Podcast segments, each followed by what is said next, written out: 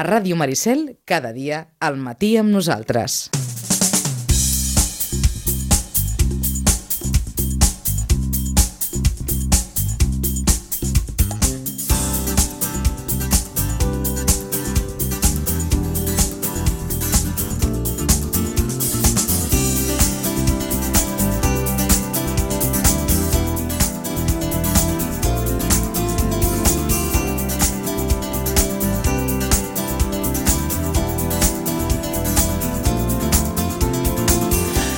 Mateix les 10 i 23, gairebé 10 i 24 minuts del matí i posem aquí una mica de crònica esportiva després d'un cap de setmana que vist així, d'entrada, doncs, home, ens ha deixat eh, bons resultats, sobretot en el món del futbol i en el món del rugby. No podem dir el mateix en el cas del bàsquet i l'hoquei, després en parlarem, però comencem ja amb repassar amb el que ha donat de si aquesta jornada esportiva del cap de setmana, la darrera ja d'aquest mes de gener, i comencem repassant tots els resultats en matèria de futbol base pel que fa als equips de la Blanca Subur. Tenim ja l'Isidre Gómez al telèfon. Isidre, bon dia i bona hora. Hola, molt bon dia. Dos bons resultats dels juvenils per començar, tant la victòria del juvenil A, que va guanyar dissabte a la tarda a Vilaseca 0 a 2, i també el juvenil B, que segueix en aquesta bona línia de la temporada guanyant 0-1 a Cubelles. Comencem pel juvenil A, Isidre, una bona manera de començar la segona volta, sens dubte. Sí, vam guanyar amb un equip que la, el, el, el primera jornada ens havia guanyat a casa 2 a 3. Sí, senyor. I aquí els hem pogut guanyar 0-2. Segons m'han explicat, no que fos un partit molt lluït, però bueno, eh, aquestes alçades ja a vegades són més importants els tres puntets que no el lluïment. Dos gols de Mauro Vázquez a la segona part van propiciar amb aquesta victòria de la Blanca, aquest 0 a 2 a Vilaseca, total que el, la Blanca suma ja amb el seu 18è punt a la Lliga, és desè a la classificació, eh, rebrà aquest proper diumenge aquí al Nou Pinsbens al Cambrils Unió per seguir eh, doncs, eh, aquesta escalada a, a, la, a la Lliga. Eh, el juvenil B, que també va guanyar fora de casa, en aquest cas per la mínima 0-1 a Cubelles. Sí, segons m'ha explicat el Dani, també va ser un partit que, bueno, el Cubelles no va xutar cap vegada porteria allò en jugada, sí que amb corners i faltes, però bueno, els nanos eh, el van defensar amb solvència i el, cap al minut 70, em sembla, si no recordo malament, en vam aconseguir el 0-1, defensar una miqueta i tres més al, al sac. Tres més al sac que permeten a aquest juvenil B doncs, seguir a, en aquests moments a dos punts del líder, que continua sent el Riu de Villes, que suma 33 punts, 31 punts té la Blanca, i una miqueta més distanciat està el Ribas amb 24. No és una classificació real, real, perquè saben no. que aquí tenim partits pendents, partits ajornats, per tant, tot això es pot acabar de reajustar les properes setmanes. No sé, Isidre, si aquest cap de setmana heu tingut molts ajornats o no? Pues aquí hem anat millorant, de 5 que vam tenir la setmana passada, aquesta setmana pues, hem tingut dos per, per Covid i un que ja descansava per un equip retirat, o sigui que un, uh -huh. una miqueta menys. Molt bé, doncs eh, fantàstic. Seguim repassant aquests eh, marcadors, vinga. Doncs mira, tenim el cadet A que va perdre 2 a 3 a Pinsbens contra el Sant Mauro, Després ja en categoria infantil tenim l'infantil A que va guanyar 1 a 3 al camp del Vilanova i el Geltrú. A l'infantil B ens va perdre Pinsbens 2 a 5 contra el Vilanova i el Geltrú D. I finalment a l'infantil C va guanyar 2 a 4 al camp del Sant Cugat Ses Garrigues. En categoria Alevi, l'Alevia va empatar 3 a 3 a Sant Sadurní. El B va empatar Pinsbens 0 a 0 contra el Martorell D. I ja saltem a la categoria de Benjamí. El Benjamí A va guanyar Pinsbens 15 a 1 a la Noia el Benjamí B es va imposar 0 a 5 al camp del Viladecans. El Benjamí C va guanyar Pinsbens 7 a 1 al Gelida i finalment el D es va imposar 0 a 5 al camp de l'Igualada H. O sigui, ens dona un resum de 8 victòries, 2 empats, 2 derrotes, 2 suspesos i un descans, que seguim amb la bona línia d'aquesta temporada. Sens dubte, sens dubte. Eh... Més, aprovats que suspesos. de moment els parcials estan anant bastant bé, eh? Sí, sí, no, ja, ja, ja afirmaríem ara mateix que acabar així quasi, quasi la temporada, tal com estem. Oh, i tant, oh, i tant. És allò que deia eh... aquell, on s'ha de signar, no? Oh, i tant. Veurem, però, com, com, com s'acaba d'ajustar en aquesta, en aquesta temporada, però si hem de fer cas als que hi entenen, la cosa ha d'anar a, a millor. Molt bé, Isidre, doncs gràcies per aquest repàs, que vagi molt bé. Gràcies a tots. Adéu-siau. Adéu.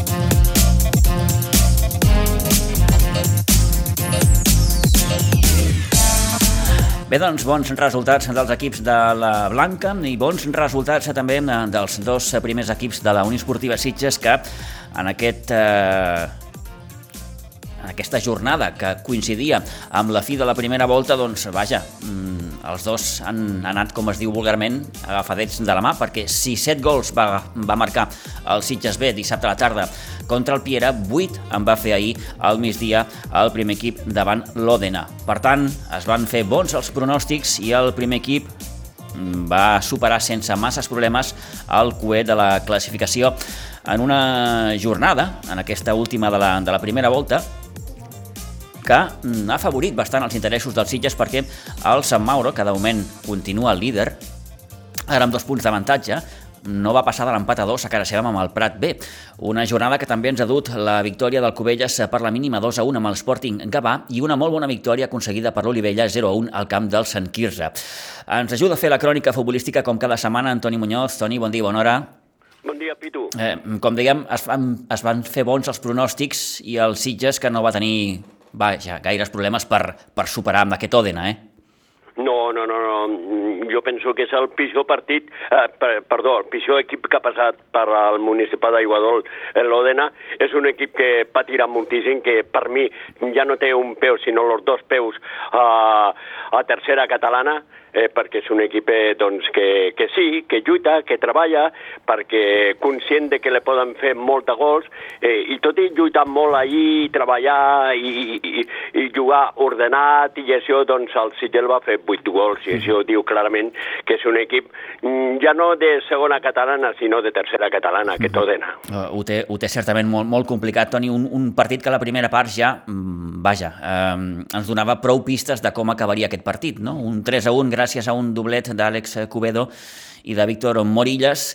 Eh, sí que l'Òdena va poder marcar gràcies a un bon xut de, de falta, però a la segona part, vaja, 5 gols van arribar amb un hat-trick de Carlos, que va fer un molt bon partit, sobretot a la segona part, de Matías i d'Over, que va redebutar, diem-ho així ahir, i va fer el seu golet. Sí, fet, dos jugadors que van saber menjar-se bé el pastís, com el cas d'Alex Cubedos, que va fer una primera part sensacional i una segona també, ja no en el tema defensiu, sinó en el tema ofensiu, que va marcar dos gols, i un Carlos Enarejo que està en el seu millor moment. Un Carlos Enarejo que potser al primer temps no va tenir molta participació, que la va tenir, perquè de fet el gol de Víctor Morillo és un gran passe d'ell, eh, perdó, de, de, el gol de, sí, de sí, sí, Víctor del Víctor, Morillo sí, sí, és sí. un gran passe d'ell, eh, i doncs eh, va tenir participació, però no la que s'esperava d'ell, sí que la va tenir a la segona part, on realment va marcar tres gols, i després doncs le, le van ajudar a, a menjar-se aquest, eh, aquest pastís el Matías Gomara i l'Ober Ramos, no? Un Ober Ramos que, que debutava amb els Sitges, que tornava amb els Sitges després de la, del seu pas per Sant Boi i que doncs a los minuts que va tenir fins i tot va marcar el gol, el vuitè gol dels Sitges, no? Ara comentem la resta de resultats i com ha anat en definitiva aquesta jornada, però abans, si ens ho permeten, escoltem les declaracions que feia l'Uri Sorrotxen després d'aquesta gran victòria 8 a 1 davant l'Òdena. Bueno, un partit que se'ns ha plantejat amb un canvi de sistema del rival, que no esperàvem i que ho hem solventat molt bé dins del mateix minut d'inici de partit i ha estat un domini bastant clar, tant a nivell ofensiu, que ha estat la, un gran percentatge nostre, eh, com defensiu, que quan en algun moment he perdut la pilota doncs hem sapigut doncs, eh, pressionar la pèrdua i treure pilota de zona i generar moltes ocasions. No? Al final, convertir 8 gols no és gens fàcil i, i la veritat que penso que ha estat un gran mèrit i, una, i un punt de moral cap a l'equip que, que veníem d'una derrota dolorosa al camp del Sant Quirze. Què va passar dimecres? Doncs una, una derrota molt dolorosa, no? Sí que és cert que hi ha eh, factors molt diferents als que sempre ens trobem, com jugar entre setmana, un camp molt complicat, el Sant Quirze, no és un camp gens fàcil, i, i bueno, doncs anava passant el temps, nosaltres no generàvem com realment volíem, i, i bueno, no vam estar encertats. I aquesta va ser, va ser la, la situació, no vam estar bé i vam perdre, per tant, felicitar el Sant Quirze, que se'n van portar a, a la victòria per, per 2 a 1 i nosaltres a seguir treballant. La reacció d'avui, vaja, s'ha vist. Sí, bueno, era al final contundent, no? Fer pagar els plats bruts a una altra persona, no? a un altre equip en aquest cas, i, i nosaltres això ens dona un plus de moral no? respecte al que va passar la setmana passada. És un equip que va, qui va, qui va fins l'últim moment. Sí, bueno, i al Això final... explica molt bé, vull dir, una miqueta el, el, el tarannà, no? Sí, és a dir, és el que intentem transmetre. Això, la personalitat de l'entrenador, de l'entrenador en aquest cas, eh, va implícita no? en la forma de manifestar-se dels jugadors i és el que realment volem transmetre des de la, la banqueta, el, el fet de mossegar fins l'últim segon i si no puc més canvi que hi ha un altre que segur que, que, que pot donar el seu màxim. Això és el que pretenem sempre. Precisament els canvis us han seguit donant aquest plus de, de, de, de pressió, de pressió. Correcte, al final la, el, el tarannà dels jugadors que estan aquí als Sitges saben a què juguem i saben que el component defensiu que, que nosaltres mostrem o manifestem sempre en els partits mm, és d'aquest tarannà. Per tant, no pot ser d'una altra manera que el jugador que surti sigui qui sigui ho faci de la mateixa intensitat que qualsevol altre. Si exceptuem el partit de l'altre dia amb el Sant Quirze, 5 gols aquí amb el, la Fundació Vilafranca, avui 8 aquí, mm, vaja, repeteixo, si mm, obviem aquest petit, petit parèntesi de l'altre dia, l'equip està molt bé. També és cert que prefereixo guanyar 1 a 0 i sempre, que, però bueno, això òbviament és complicat, no? Sí que és cert que el que, el que això denota és que tens molta, eh, molta projecció ofensiva, que hi arribes i que transformes. Per tant, en aquest sentit estem supercontents i tant de bo això no s'aturi. Pregunto per l'Over, l'heu incorporat, és un jugador que ja coneix la casa, vaja, en aquest sentit té avantatge, fins i tot avui s'ha estrenat amb un golet, què esperes d'ell? Doncs espero el mateix que espero de la resta, donar una intensitat defensiva que sap que a nosaltres ens encanta i ell eh, també li agrada, aquest plus defensiu, i després eh, bueno, aquesta qualitat ofensiva que té, saps que avui ens ha donat aquest gol després de, de la sortida d'un ensaque de banda i, i res, doncs sé que ens aportarà moltíssim a nivell ofensiu i defensiu. Mm -hmm. Et demano una petita valoració del que ha estat per tu aquesta primera volta. Doncs bueno, encara ens queda aquest partit per jugar del sí. dimarts mm. contra l'Atlètic Prat Delta, que serà complicat també, fora de casa, però bueno, ha estat, eh, hem sumat molts punts, eh, ens ha faltat doncs, no punxar partits que, que, bueno, que semblava que, però que qualsevol equip et pot fer un, un 8 en qualsevol moment i, i és necessari mostrar-se sempre amb la mateixa intensitat de, de, amb un equip que estigui a dalt que amb un que estigui a baix. I bueno, estem molt satisfets de la feina feta i esperem i desitgem que aquesta segona volta, doncs, si més no, eh, que, que millori, no? perquè sempre es pot millorar, que millori aquesta, aquesta primera, però amb aquesta tendència i aquesta forma de jugar que estem mostrant. I si em permets una última pregunta, potser un palet més personal. Cap problema. Què tal, com va el combinar el ser mare amb ser entrenadora? Doncs mira, la veritat és que el fet de ser mare i pare en el mateix equip, sí. en un equip de futbol, no és gens fàcil, òbviament, i això fa que hem de gestionar el temps de la millor manera possible. Afortunadament puc seguir venint a entrenar i venint als partits doncs, perquè la família ajuda i molt, i, i bueno, doncs si no és la mare, és el pare qui es queda amb, amb la bebè i anem combinant com bonament podem, però estem molt bé i molt feliços. Molt bé, i què és més difícil, ser mare o ser entrenadora de tota aquesta tropa? Pues no sé què dir-te, eh? però la gent que em coneix, que jo sóc molt de ala, venga, no passa nada, todos felices i todos contentos, la veritat és que jo, eh, m'he trobat en una situació quan ha nascut la nena que no és que hagi canviat la meva forma de ser, però, ostres, aquest nivell de responsabilitat mm, doncs m'ha tocat la fibra. Molt bé, Luri, enhorabona, gràcies. Gràcies.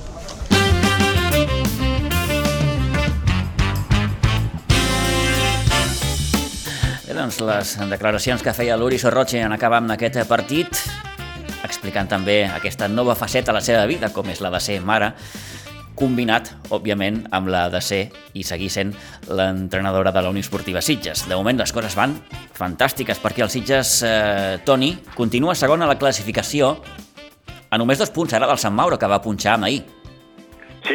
Sí, sí. A més, en un partit en el que dominava el Sant Mauro la primera part per dos gols a zero i que tot feia preveure que ni el Prat seria capaç de sumar al camp del Sant Mauro, no?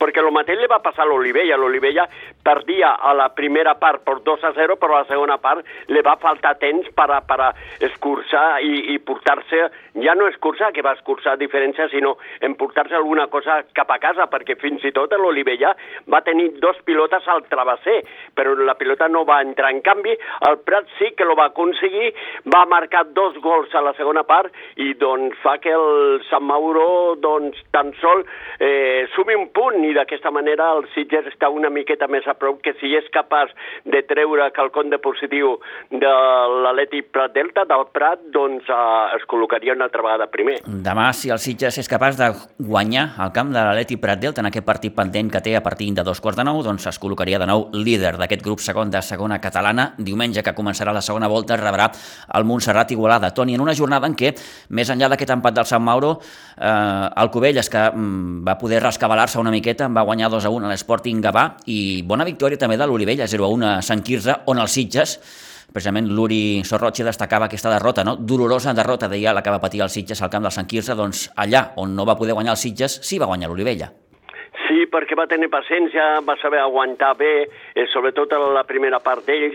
En la segona part el Sitges va estar, perdó, l'Olivella va estar més posat en el partit i va aconseguir els tres punts, no? És un rival directe, és molt important aquesta victòria. La primera victòria de l'Olivella que en contrari, i això és molt important per a aquest equip, que ara té el dimecres un partit també molt important amb el Cubelles, aquest partit ajornat en el seu dia.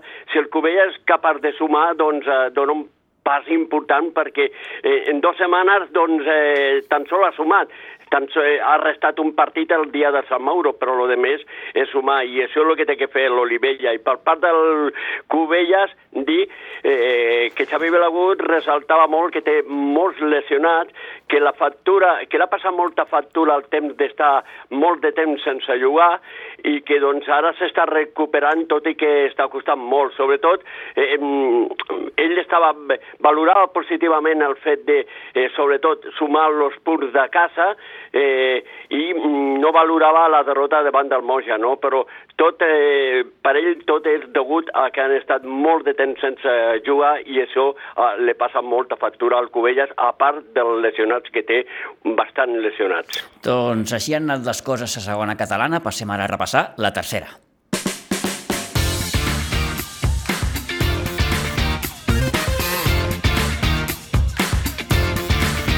Perquè a tercera catalana el Sitges B, Toni, eh, li va fer un 7, mai millor dit, al Piera 7 a 0, un dels partits més plàcids que ha tingut el, el Sitges B aquesta temporada.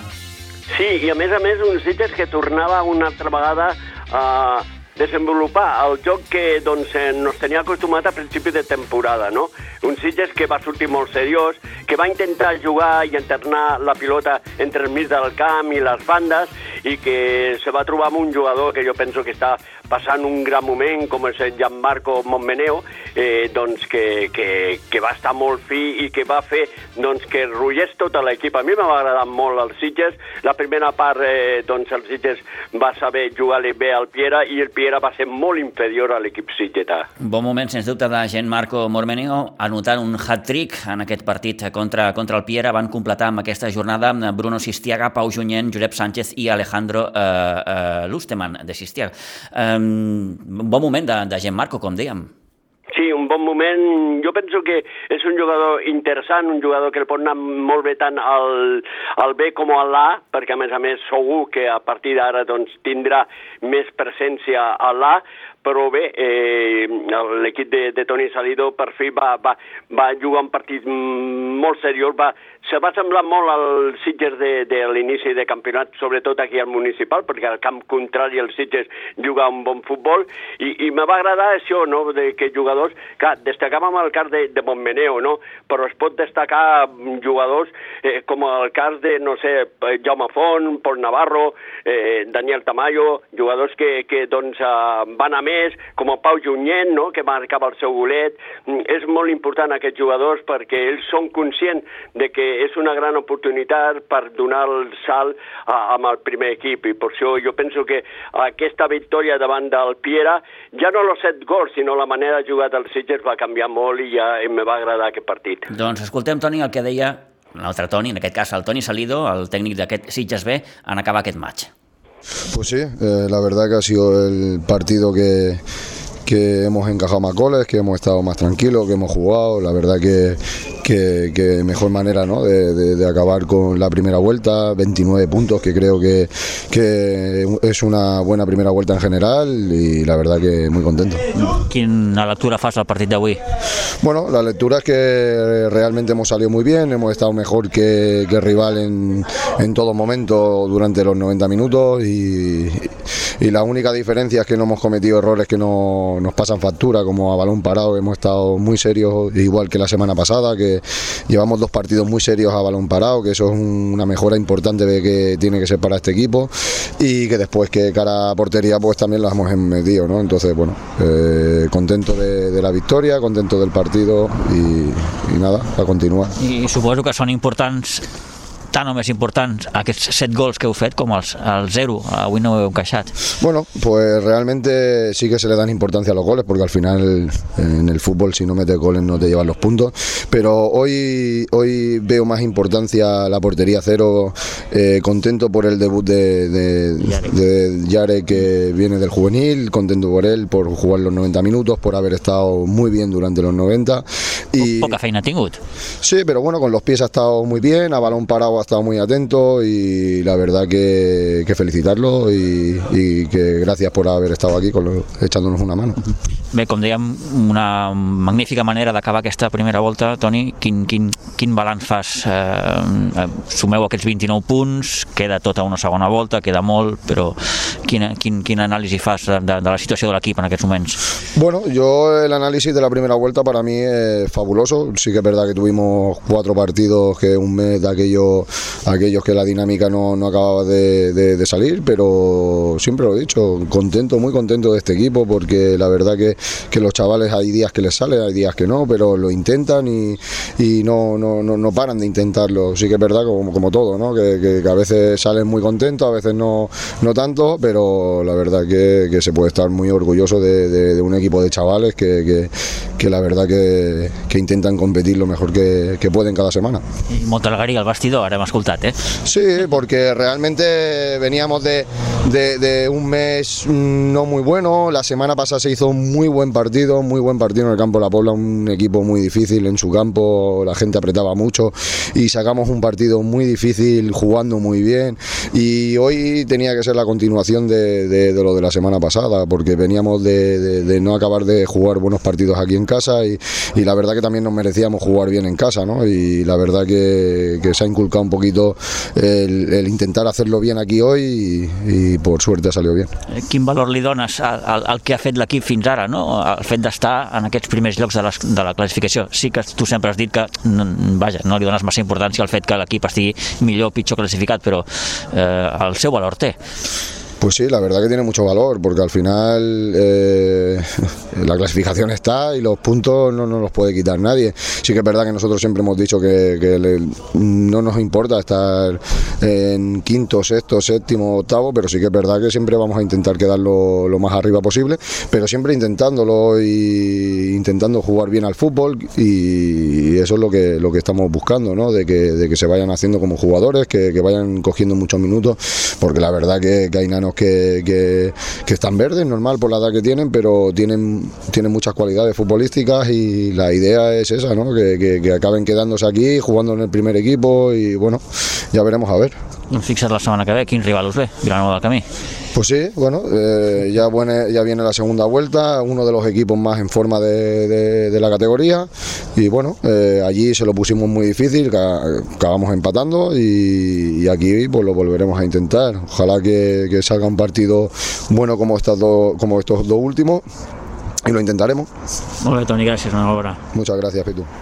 Bé, doncs, Toni Salido, eh, després d'aquest 7-0 davant el Piera el passat dissabte al municipal d'Aigua Dols, li recordàvem ara el proper partit aquí a casa amb el Vilanova del Camí per començar la segona volta. I Toni, un Vilanova del Camí que ahir va encaixar un 4-0 d'un equip que ara està en plena forma, aquest Atlètic Vilanova de Cigor Bengoa que, que, que, que ho està guanyant tot ara. Sí, porta cinc partits amb l'equip i cinc victòries, no? Eh, I jugant com va jugar ahir. Una primera part sensacional, eh, de l'Atleti Vilanova, en el que doncs, se va posar un 3 a 0 amb gols d'Isaac Jiménez ahir tot, i Isaac Jiménez, eh, i una segona part que tot i jugar ells eh, amb un jugador menys perquè li van expulsar eh, un jugador al minut 41 mm, visitant, doncs l'Atleti Vilanova doncs, ja no va jugar eh, tan bé, però va fer va jugar molt pràctic i al final Ricard Fernández posava el 4-0.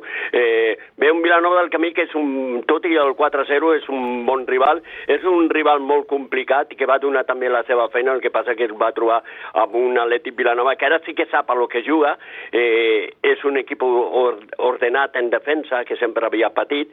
I doncs eh, sí que se trobarà el Sitges aquí a casa un equip complicat al Vilanova del Camí, però si el Sitges juga com va fer amb el Piera, tranquil, sereno, Serenó, en Serenó en el seu joc, moguent les bandes, jo penso que pot guanyar aquest partit i bé.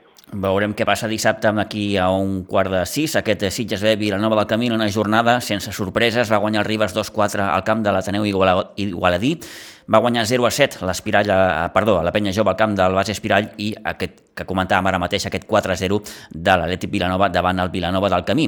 Penya jove, líder 42 punts, Ribas segon 36, Atlètic Vilanova que s'ha col·locat tercer amb 31 punts i el Sitges B cada moment és quart amb 30 punts. Així s'ha desenvolupat aquesta tercera catalana. Ens ha ajudat, com cada setmana, a fer crònica futbolística. Antoni Muñoz, Toni, moltíssimes gràcies. Molt bé, Pitu. Que vagi molt bé. Bona setmana. Adéu-siau. Adéu, bon dia. Mm.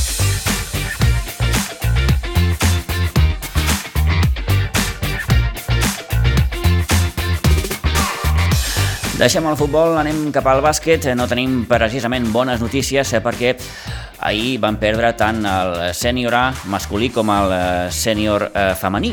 Mm, derrota del sènior masculí del sènior A 65-73 ahir a la tarda al pavelló de Pinsbens davant el club Nou Bàsquet Vilanova. Mm, tot i marxar amb un avantatge de més 8 al descans, amb un 40-32 i d'haver gestionat bé les distàncies als dos primers períodes, mala segona part, en definitiva, dels jugadors de Balta Molina, col·lapsat tant en atac com en defensa, i un Vilanova molt millor al tercer i darrer període. Sensació, per tant, una mica d'impotència per part dels eh, jugadors del bàsquet Sitges. Àngel Miguel Sanz, destacat del partit d'ahir, 17 punts per part del Club Nou Bàsquet Vilanova, gran partit del seu pivot, Eduard Badia, amb 22 punts. És tot just la segona derrota de la temporada. De moment, el Sitges que té un balanç de 9 victòries, dues derrotes, pendents encara els tres partits ajornats i aquesta era la valoració que feia Baltamolina després d'aquesta segona derrota. Sí, la segona part ha estat horrible, col·lapsats, col·lapsats totalment. A l'atac, sobretot, defensa al tercer quart ha estat eh, terrible, també l'encert, a veure, clar, ells han jugat bé, el primer quart més fluixet i han despertat a la segona meitat amb molt més encert que la primera. I això ho hem pagat. I l'equip s'ha vingut avall, no ni amb canvis defensius ni... Uf, ha estat mm, impossible, hi havia un cert derrotisme. I això és el que més em preocupa. Més que el resultat en si, que també, però aquesta sensació de que no podem remuntar i total doncs, són diferències molt curtes però que no, no podíem amb elles. I felicitar el Vilanova, la veritat és que han jugat una segona meitat molt bona. La primera l'hem controlada, pensava realment eh, teníem la tàctica per eh, continuar la segona amb l'experiència de la primera i de les coses que havien anat bé, jugar ràpid però no ho hem pogut fer i en gran part gràcies al treball de l'equip del Salva que només cal felicitar-lo, la veritat és que han jugat molt bé, no, no hem pogut amb ells. Sensació, en certa manera, d'impotència, no, avui? Sí, sí, sí, sí, això que ja et dic, hem provat mixtes, hem provat zones, hem provat coses, i cap d'elles ha sortit.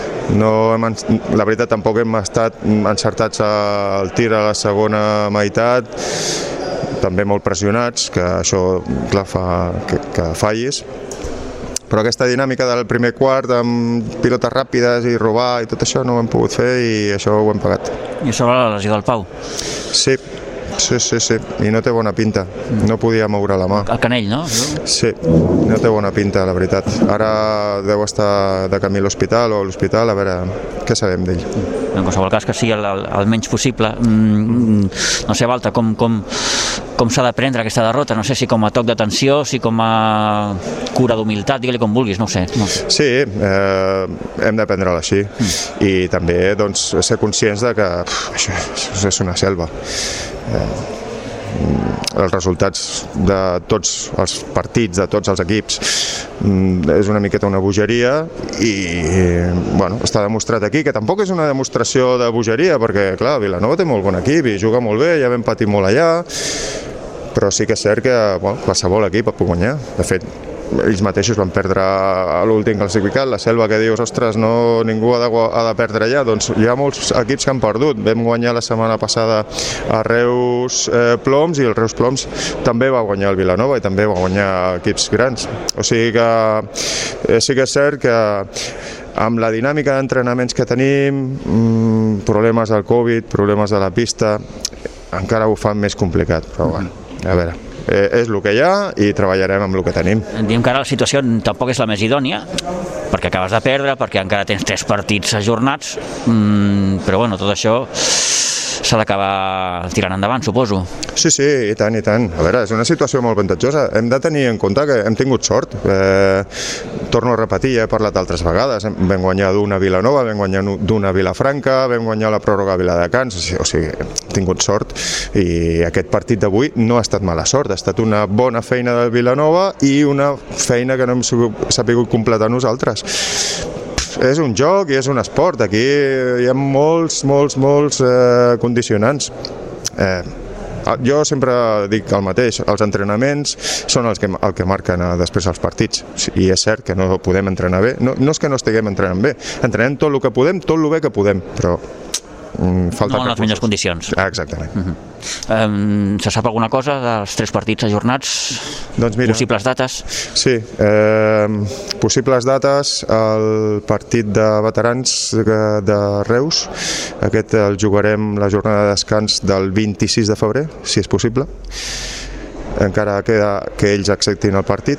Eh, i els altres dos no tenim data, data però Vendrell segurament serà un dimecres per la tarda, que ells tenen entreno, un dia de cada dia, i Vilafranca segurament és també aquí quan disposem del nou pavelló que podrem disposar de la pista sencera, perquè ara mateix no tenim mai cap dia pista sencera, doncs eh, un dijous o un dimarts.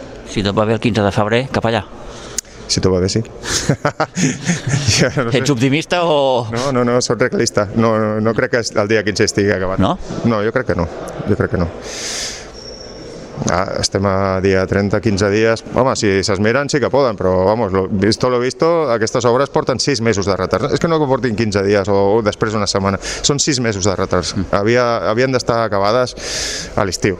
5 mesos, és igual, o 4. Bueno, Valta, a Reus la setmana que ve un altre cop. Sí, difícil, eh? Mm. Difícil, sí, sí, diumenge. Bueno, a treballar, això dia a dia, com ho Ramon. Eh, doncs no és massa optimista Valta Molina sobre el fet que el pavelló 2 estigui acabat el 15 de febrer. Mm, tant de bo s'equivoqui, perquè això voldrà dir que sí, que definitivament eh, tant el bàsquet Sitges eh, com també l'equip de gimnàstica rítmica Sitges Garraf podran entrenar i competir al pavelló de, de, de Pinsbens, al pavelló 2. Bé, aquesta segona derrota de la temporada del bàsquet Sitges cal continuar endavant perquè diumenge a la tarda es visitem a la pista del Reus Deportiu en una jornada en què el casal de Vilafranca va guanyar 76-71 al Salou, per tant, demostra que està en un bon moment de forma el conjunt vilafranquí en una jornada en què també vàrem tenir derbi del bàsquet femení. El sènior femení del bàsquet de Sitges va perdre 38 a 40 amb el bàsquet Samà de Vilanova en un partit molt, molt igualat, amb una última possessió per poder guanyar fins i tot el partit a les noies sitgetanes. Al final, com dèiem, aquest 38-40 favorable al conjunt de Vilanova, mm, favorable al Samà, i en canvi va guanyar amb el sènior B, 58 a 63 a la pista del Sant Josep Obrer.